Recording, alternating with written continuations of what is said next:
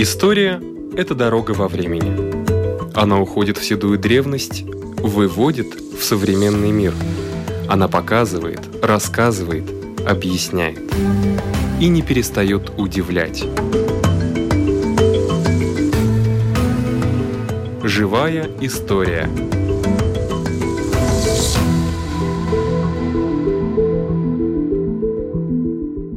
У микрофона Лидия Чера. Aizved mani uz līderes īliem, kad tur zīla pūrene zied. Man tik bieži šai dzīvē ir vīlies, gribas kaut ko no tīra mazliet.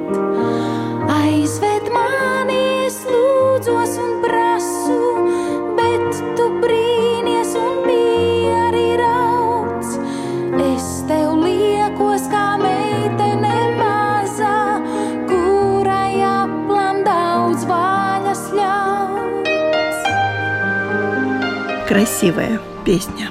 И мало кто знает, что автор текста Ауструс Куйня по роду своей деятельности была медицинским работником, а поэтессой, так сказать, в свободное от работы время. С давних времен медики совмещали свою профессию с другими творческими профессиями. Например, среди врачей часто встречаются талантливые художники, писатели, философы, открыватели и исследователи – каждый из нас вспомнит, что врачами и медработниками были создатель детективов Артур Конан Дойль, писатель Антон Чехов, мастер детективного жанра Агата Кристи, автор «Мастера и Маргариты» Михаил Булгаков. Первый врач Древней Греции Гиппократ достиг мировой известности скорее как философ – Известны его философские изречения и взгляды, а также его авторство «Клятвы врача», «Клятва Гиппократа». Латвийские врачи тоже уже с XVI века занимались целительством наряду с писательством. В качестве примера возьмем составителя так называемого горизонтального календаря Захария Стопия. Он был врач и астролог – Первый латышский языковед XIX века был врач и поэт Юрис Барс. В Музее истории медицины имени Павла Страдыня открылась выставка, на которой как раз об этом и пойдет речь.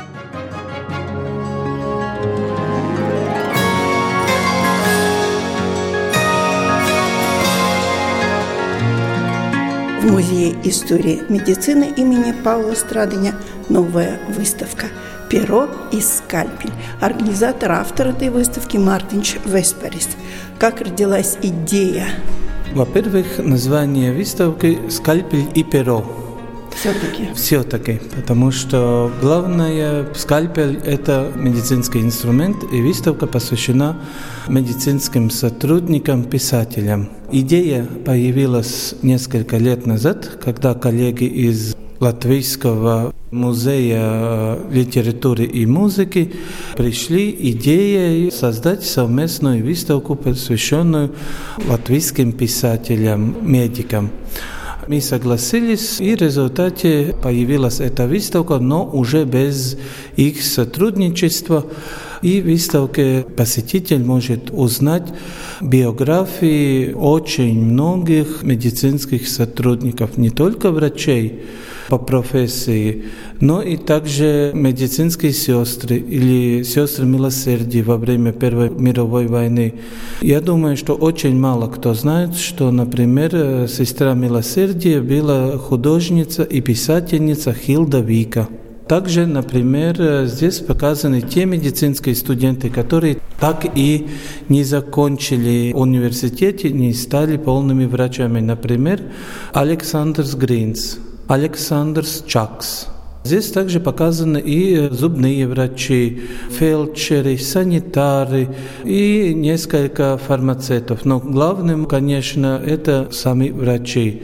Сколько их в общем, мне трудно сказать. До этого времени, даже сегодня утром, мне пришло известие, что есть еще одна сотрудница, зубной врач, которая писатель, молодая женщина, 31 год, написала уже четыре романа. Но это в Латвии или... В Латвии. Все писатели из Латвии и главным образом собраны информация о латышей. К сожалению, о Латвии живущих русскоговорящих или других национальностей информации очень трудно было найти. Только один врач из Резекне, который пишет на русском языке стихи. Да, если брать, например, во всем мире, то врачи-писатели более известны. Ну, Это и Артур Конан Дойль, Михаил Булгаков, Бунин, Чехов. Конечно, самые известные из русских писателей, ну, я думаю, там они равны. На первом месте это Антон Чехов и Михаил Бугаков. Для медиков это записки нового врача а, да, да, да. и морфий рассказы. Но в мире больше, я думаю, люди знают, но не знают как э, медицинских сотрудников, но как уникальных и хороших писателей. Это, конечно, Артур Конан Дойл своим Шерлоком Холмсом, и это Агата Кристи, которая была фармацевтом и работала как фармацевт. Потому очень многих его, ее детективных романов очень хорошо описаны, как фармацевт э, ядом убивает, или как там э, просто просто домохозяйка находит какой-то яд и убивает. Это из практики, ну не так из практики, что сама, но из практики фармацевтов, которые очень хорошо знают применение разных лекарств. А самые известные писатели, которые связаны с медицинской профессией, вот у нас в Латвии? В Латвии, можно сказать, самая известная писательница стихов – это, конечно, Ария Элксне. Своей лирикой... Своей... Врач? Она врач, да. Какое-то время начала своей э, практики работала микробиологом. И Ария Элксне была и педагог. Ее стихи очень много сложены в песнях. Например, у Мирдзи Зиверт есть одна из самых известных песен «Aizved mani uz slīteres mežiem». Еще такой очень известный врач, советский врач и врач во время отмоды это Мирвалдис Бирзе, Который очень много есть рассказы. В советское время они больше связаны с советской властью, но надо запомнить, что Мирвалдис Бирзе пострадал во время Второй мировой войны. Он был концлагере нацистской Германии. Еще один такой писатель меньше, больше его знают как палеопатолога, это Виллис Дерамс, который был репрессирован советской властью уже в 1941 году и провел много лет в разных лагерях, из которых чудом выжил, вернулся, стал палеопатологом и, конечно, продолжил свою писательную деятельность. А из молодых кто-то есть? Из них я могу только назвать Карлиса Блауса. Потому что очень много из этих врачей были, они, конечно, были писателями, но они писали прессы, периодики, и очень-очень мало их стихи или какие-то другие работы издавались отдельно в книгах. У нас здесь выставлены только те медицинские сотрудники, у которых работы изданы в книгах потому что в периодике очень много есть писателей, почти каждый второй писатель. Ну, например, ваша коллега Рита Граве тоже есть писатель, но она писатель другого рода. И сейчас просто пройдемся по выставке. Что здесь самого уникального, интересного, на что стоит обратить а, внимание? Надо сказать, что создавая эту выставку, конечно, хотели показать врачей и их личные вещи, но, к сожалению, в нашем музее очень мало их. Потому предметов? что глав... предметов, потому что их мемориальные предметы, записки, манускрипты и многое другое, это уже в другом музее литературы и музыки. музыки.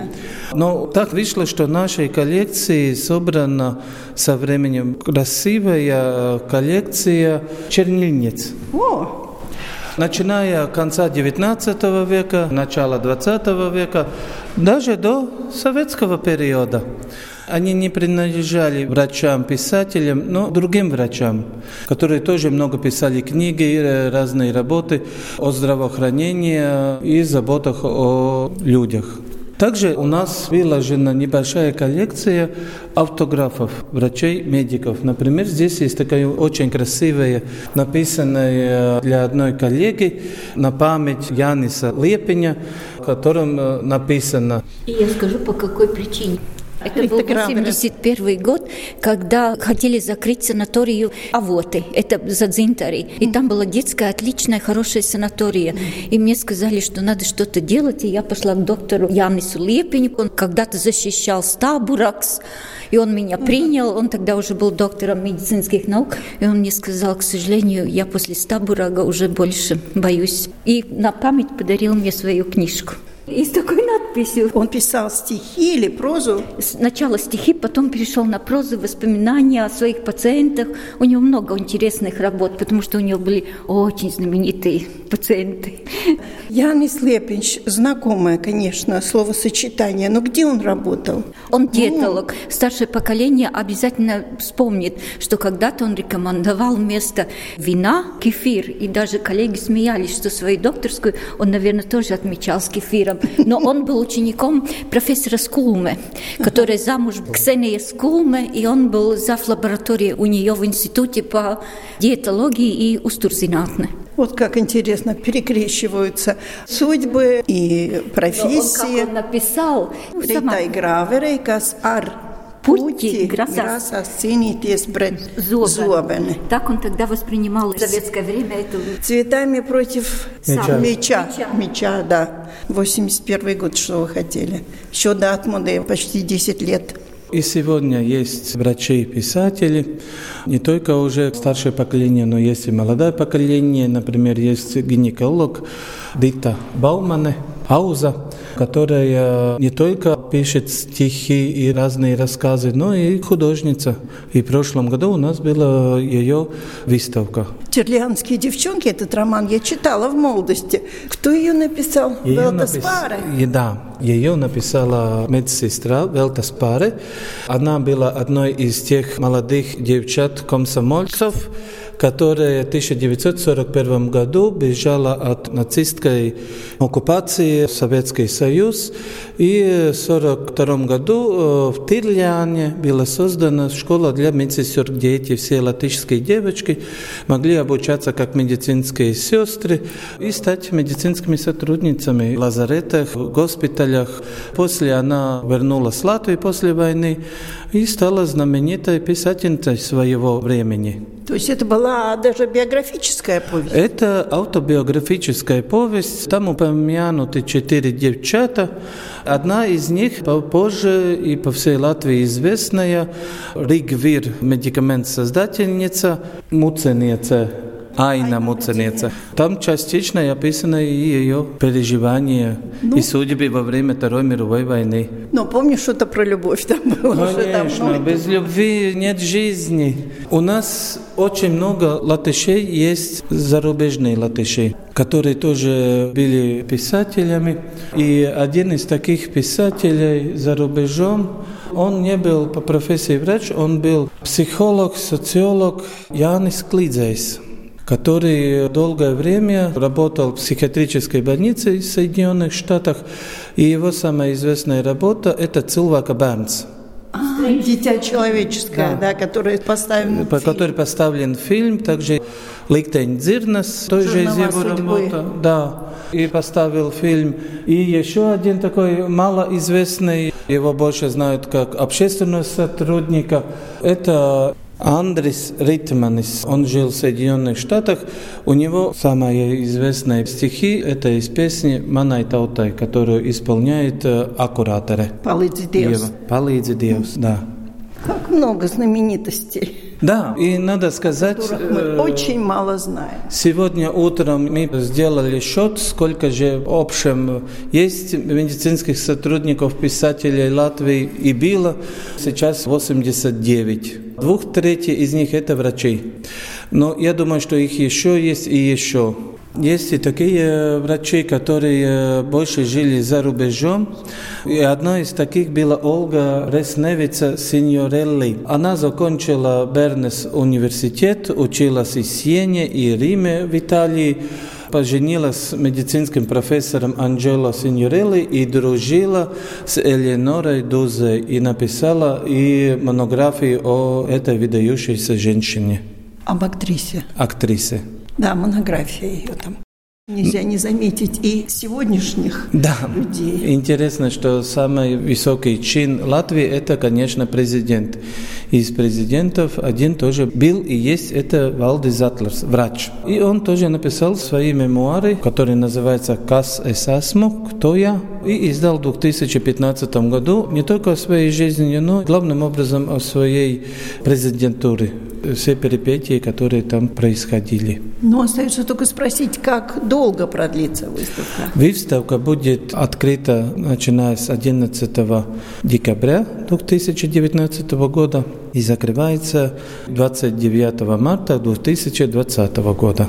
Но преамбула очень интересная. Михаил Булгаков, Антон Чехов, сэр Артур Конан Дойл, Агата Кристи, Арчибалд Кронин и Акселс Мунте самые-самые выдающиеся мировые. Молодец, Мартыч.